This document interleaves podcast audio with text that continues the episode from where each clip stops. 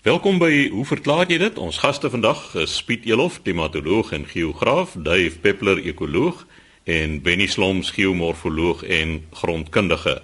Eers dan die woord is jy Benny en jy het 'n navraag ontvang as ook fotos van interessante klippe by Kanon naby Mosselbaai. Dankie Chris. Ons het inderdaad 'n e-pos ontvang van Neville van Wyk en hy skryf as volg: Kan die paneel verduidelik hoe hierdie besondere sandsteenagtige formasie ontstaan het aan die Mosselbaai kus by Kanon naby Gouritsrivier mond? Nou, saam met hierdie epos het daar 'n stuk of 8 pragtige fotos, kleurfotos saamgekom wat inderdaad wys na baie besonderse formasie wat ek nog nie gesien het langs die kus nie. Ek persoonlik was nog nooit op Kanon gewees nie. Maar het, ek het onmiddellik gesien dat die goed is te fyn om 'n sandsteen te wees. So ek het onmiddellik aan skalies gedink en mense dink ons maar aan Bokkeveld skalies indien jy van die Suid-Kaap praat. Ek het hierdie foto's gestuur na professor Abraham Rosendaal hier by geologie en hy skryf toe terug.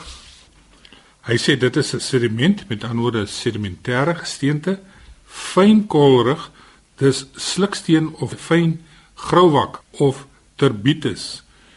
Nou dit bevestig my vermoede want dit lyk glad nie soos 'n sandsteen nie. Dit is goed gelaagd en mens kan dit baie duidelik sien vanuit die fotos die gelaagdheid wat daar voorkom. Hy sê dit is 'n ritmiese gelaagdheid, daar's 'n herhaling van afsettingsiklusse.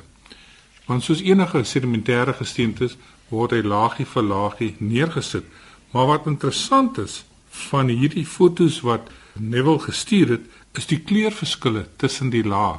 Nou sommige van die lae het so wit tot bleekgeel kleur en dan is daar laagies wat rooi-bruin van kleur is, dit is natuurlik te wyte aan groter hoeveelhede yster wat daar binne voorkom. En dan is die afsettingsgelaagdheid op plekke baie dun, dun laagies en op ander plekke is dit heelwat dikker. Dit het natuurlik te doen met die ontstaansgeskiedenis dat die sediment wat in 'n binnelandse meer afgesit is, party jare het daar meer inge voer as ander jare en dit gee vir jou daai verskillende diktes in die laagies wat daar voorkom. Nou die kleurvariasies soos Abraham ook heel reg sê is maar yster. So yster wat geoksideer is gee vir jou hierdie rooi en rooi-bruin kleur. Die wit gedeeltes kan wees of geen yster wat in daardie gedeelte afgesit is nie of die yster het uitbeweeg as gevolg van herhaalde benatting en uitdroging en dan konsentreer dit in ander laagies. Nou, hy sê die nate, daar waar die yster voorkom, en dit maak sin. Dis waartoe die water sou gemigreer het as hy daar uit die gesteente beweeg, is gevul met hematiet limoniet. Limoniet is die geelrige yster en hematiet is die rooierige yster. En dan baie interessant. Hy sê van die fotos wys swak foliasie. Dus is die gesteentes moontlik Caimans of Mamasbury tipe gesteentes en hulle is 600 miljoen jaar oud. Dit is van die oudste gesteentes wat ons kry hier in die Weskaap.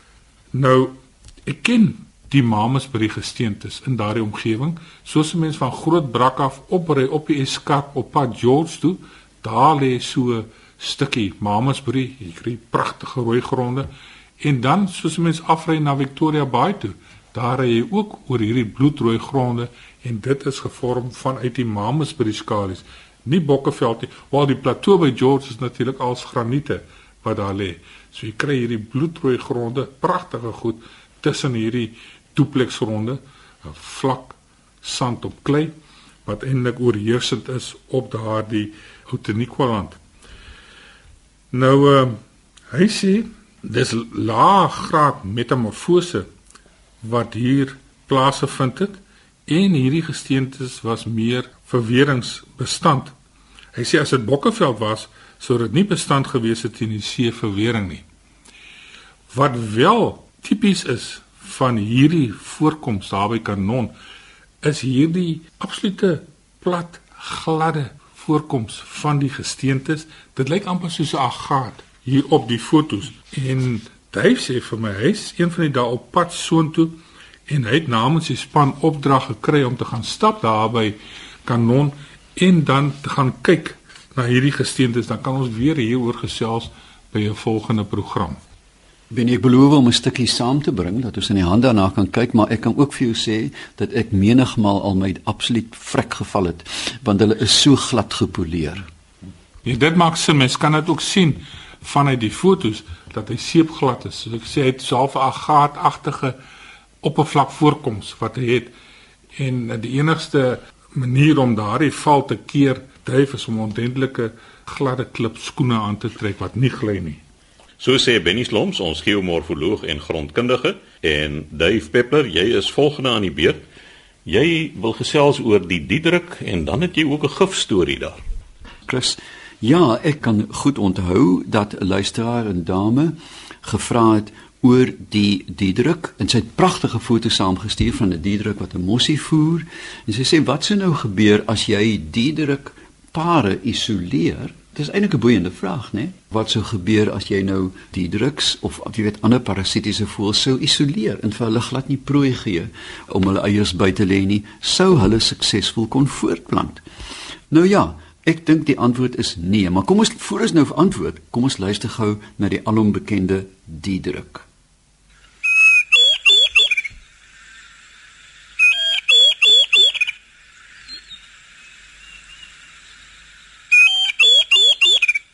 Ek dink daar is nog nie eksperimenteel hierna gekyk nie, maar kan jy jou indink dat 'n paar diedruks nou in 'n groot hok is? Een, hulle gaan paar want die mannetjie moet uiteraard die wyfie bevrug.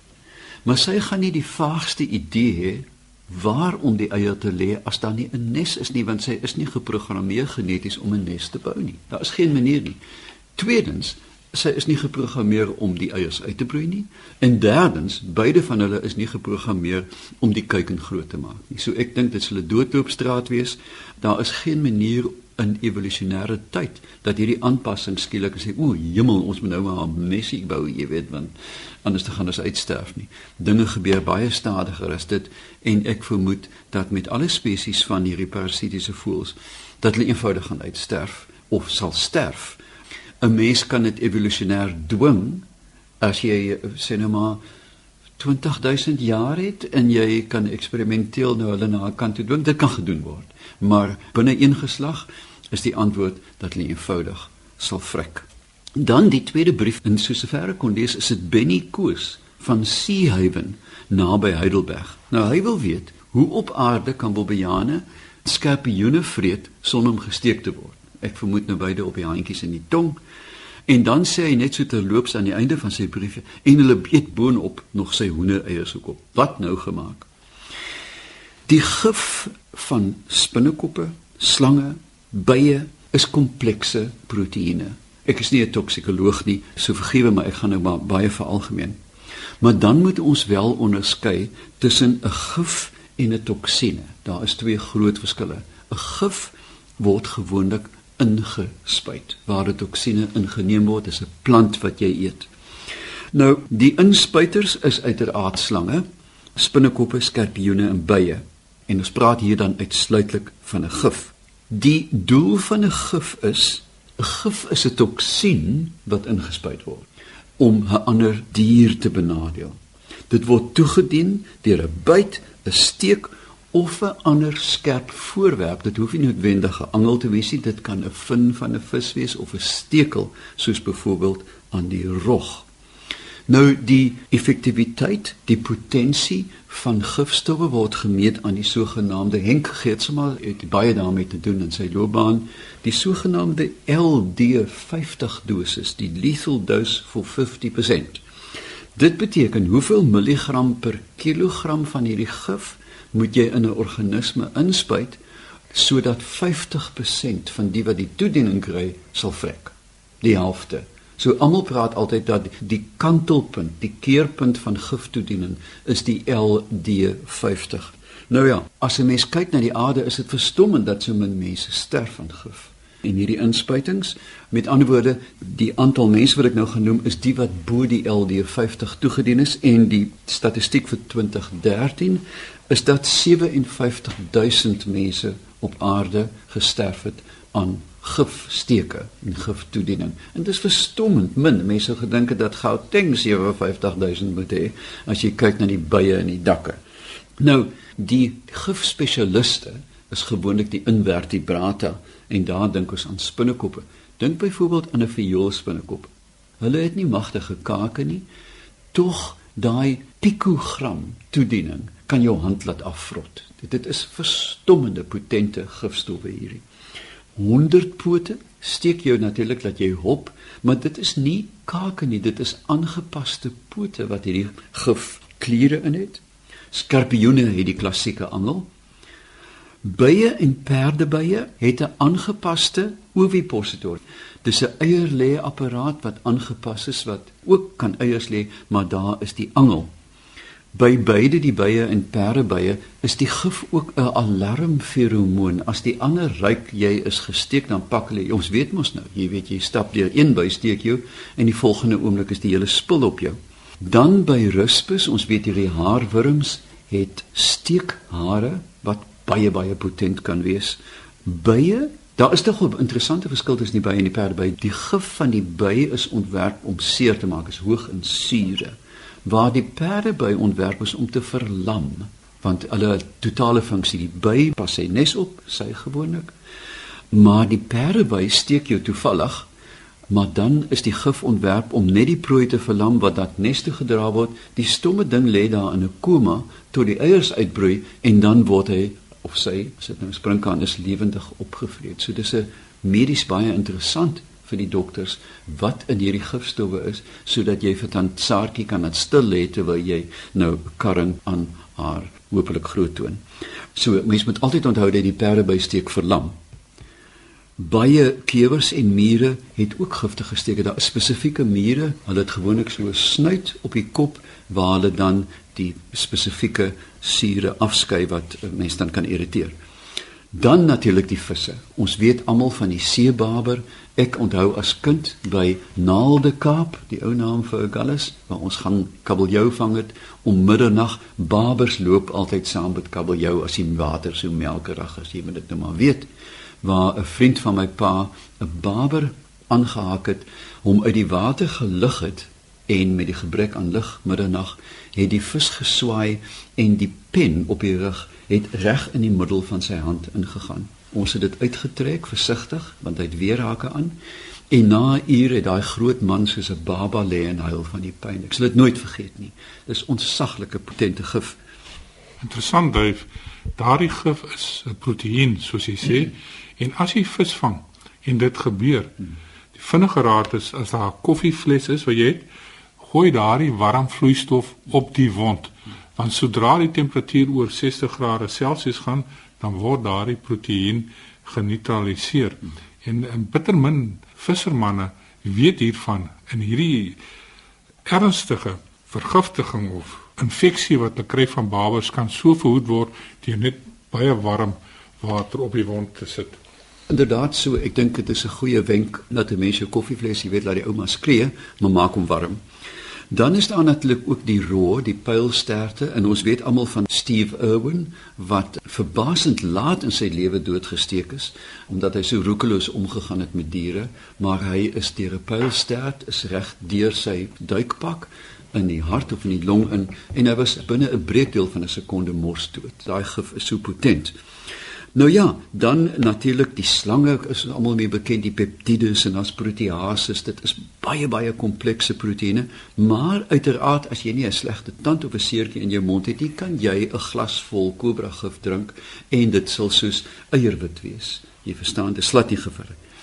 In die akedisse is daar die uitsondering van die Gila, wat mense noem die Gila monster van Mexiko woestyn. Hy het werklik 'n baie primitiewe gegroefde giftande en die komodo draak weet ons as daai ding jou byt is dit neusie verby maar dan die giftigste van almal is jellyvisse wat in Australië voorkom, die box jellyfish. As daai ding aan jou raak, het jy tussen 2 en 5 minute en jy's bokvel toe. Dit is skrikwekkende toksines. Nou vra Benny Koos, wat doen die bobbejaan om nou van hierdie toksines ontslae te raak? Eerstens weet ons dat indien die bobbejaan nou nie 'n uh, vreemde letsel in sy mond het nie of 'n slegte tand nie, kan hy die gif eet. Maar hoe raak hy van die steek? Kyk 'n bietjie volgende keer. Een van die kenmerke van die primate is dat hulle hande het en dit maak hulle, 'n mooi woord, behendig. As hy daai klip oplik, dan vryf klap en skrop hy daai skorpioen. Klap klap klap klap klap klap. Hy slaan hom plat en dusnis. En as die skorpioen dan onkapabel is soos dokter kon gesê het, dan kan jy hom lekker opeet. Ek meen jy eet seker nou maar versigtig om die angeltjie. Dit is verstommend dat diere skerp voorwerpe so kan inkry. Ek het uh, jare gelede in die Karoo vir die pot bosduwe geskiet en uiteraard soos altyd na die kroppe gekyk. Een bosduif het 143 dubbeltjies in sy krop gehad. Nou ja, hy moes hulle insluk toe ek vir professor Begalkie vra hoe hy dit doen, het hy gesê hy sluk vinnig. Maar in elk geval, Met ander woorde, die bobbejaan maak die skorpioen bietjie lam voor hy hom. Hy gaan hom nie opwriemelend opeet nie. Ons sien dit by byevangers, nê, wat na 'n takkie toe vlieg en die by dan behendig smeer aan die takkie sodat die steekaksie uitgeskakel kan word. Hy sluk dan die angeltjie in, maar die angel is nie aktief nie. Ape doen dieselfde. Hulle vee 'n ding met die voetjies vinnig en maak hom so seer. Van die mees gespesialiseerde gifeters is die wespedief, die roofvoël wat van Europa migreer. Vreemd genoeg, hulle oorwinter nou in Constantia vir die eerste keer in die geskiedenis as gevolg van klimaatsverandering en hulle kan eenvoudig stekende wespe, ek meen lewendige stekende wespe insluk, maar die gesig is deur fyn veertjies beskerm. Met ander woorde, as hulle hom eet, steek hy teen die vere, maar as hy eers in die keel is, sluk hy hom eenvoudig in. Die diere wat gif het, het soos ons al van tevore baie oor gepraat het, gewoonlik aposomatiese kleure. Hulle adverteer dat hulle giftig is. Die wesp is helder geel, helder swart. Mens kan gewoonlik vinnig aflei soos die paddas ook die wat giftig is. Met ander woorde, Benny Koos, ek dink daai skorpioen of spinnekop word nooit wriemelend en lewendig ingesluk nie. Hulle kou ook vinnig. Kyk na meerkatte as hy skorpioen tik tik tik tik tik dis byna soos 'n sker wat knip aan die ding. So hulle het tegnieke. Ek dink 'n toevallige steek in die kies gaan hulle nie doodmaak nie. 'n Mens weet dat baie van hierdie diere het 'n hoë toleransie vir gif. Dit bring ons net so aan die rand van gif uiteraard die interessantste gif kom natuurlik in plante voor. Ons weet van magtige toksines, hallusineermiddels, maar miskien kan ons in 'n volgende program daaroor gesels.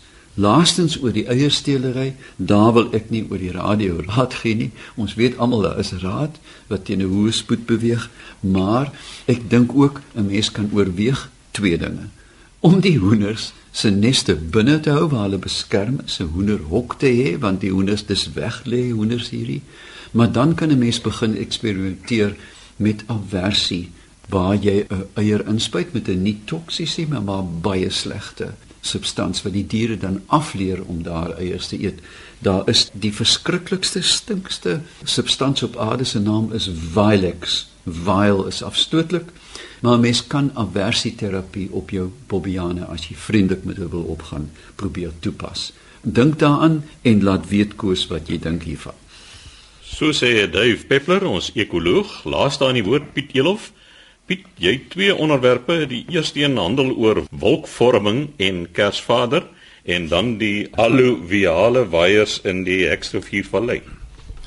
Ja, Chris, dankie. Ons het al by 'n vorige program ook uh, melding gemaak van die verskeidenheid luisteraars wat uh, inskakel op die program. En ek het hier 'n brief van Egon Wegerley. Ek hoop ek spreek die van reg uit. En uh, sy skryf as volg: both my husband Peter and I enjoy your Hoe verklaar jy dit program on a Sunday morning. En dan sê sy hier op die 27ste September a listener asked about the clouds and weather and it reminded us of an incident many years ago when our daughter was about 5 years old and we lived in Durban. It was early in December, and Bronwyn was watching the clouds building up for a storm. As the clouds became darker, she asked why this was happening. I explained that it was going to start raining soon as the dark clouds were bringing the rain. Oh no, she said, the clouds don't bring the rain. The reindeer bring the rain. Nou uh, as dit nou Desember is, dan aanvaar ek dat sy Kersvader in die gedagte gehad het en dat sy gereken het die bokke en die sleepwa bring die wolke aan. Ek kon wat ek vir jou net kan sê is dat Desember maand, warm Durban baie bedompig, high humidity there en die moontlikheid van hierdie donderwolke is natuurlik baie groot in daardie omgewing. Maar ek vermoed dat Bronwyn nou 'n bietjie ouer is en dus sal verstaan dat die donker wolke nie deur Kersvader nader gebring word nie, maar dat dit 'n normale verskynsel is in daardie tyd van die jaar in Durban omgewing. Chris, dan het ek hier 'n tweede brief ontvang van Madeleine van Woester. En sy vra hoekom is daar so baie opdraandes en afdraandes as jy die Hektorvuur vallei ry? Nou, Marley, ek dink dis 'n baie goeie waarneming. Baie mense die ry eenvoudig daardeur en uh aanvaar dit maar net so en dink nooit werklik oor hoekom dit so is nie. Nou, die Hektorvuur, weet ons, is bekend vir sy uitvoerdrywe en dan vir sy besonderse herfskleure van daardie wingerde.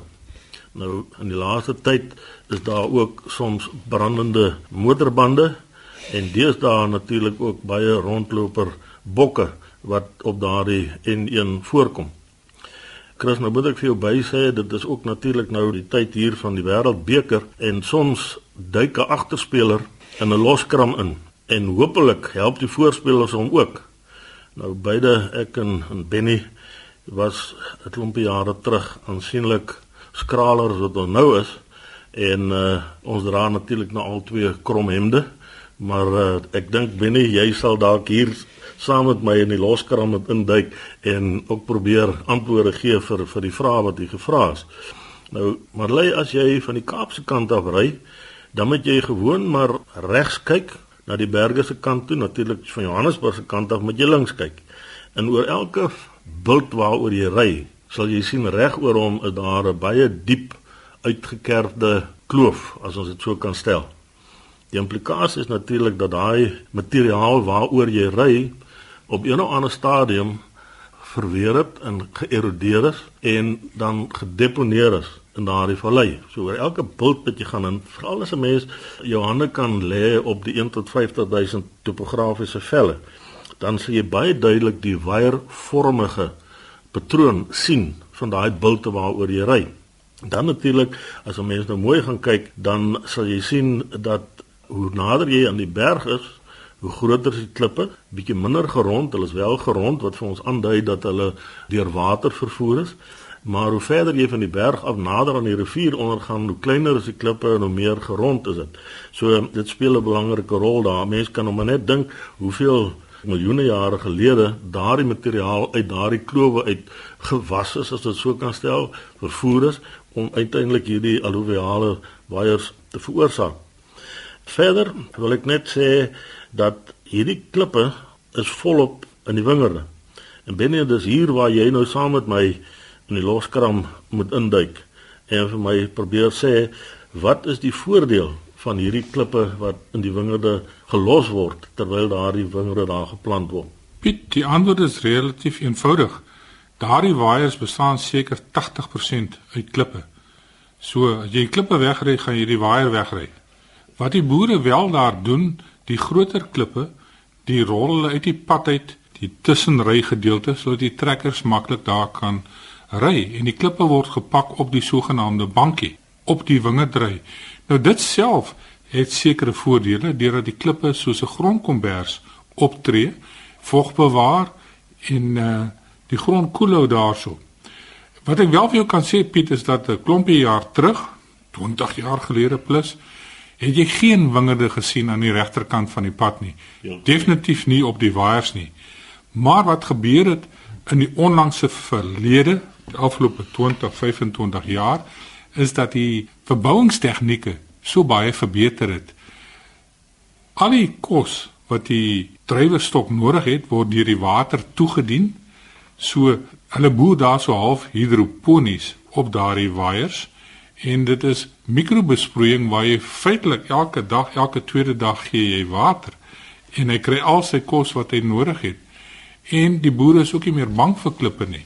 In die ou dae het hulle geboer onder teen die rivier op daardie sanderige alluviale grond, maar soos daardie grond volgeplant is, klim hulle teen die kante uit en met die verbouingstegnieke vandag kan hulle dit doen.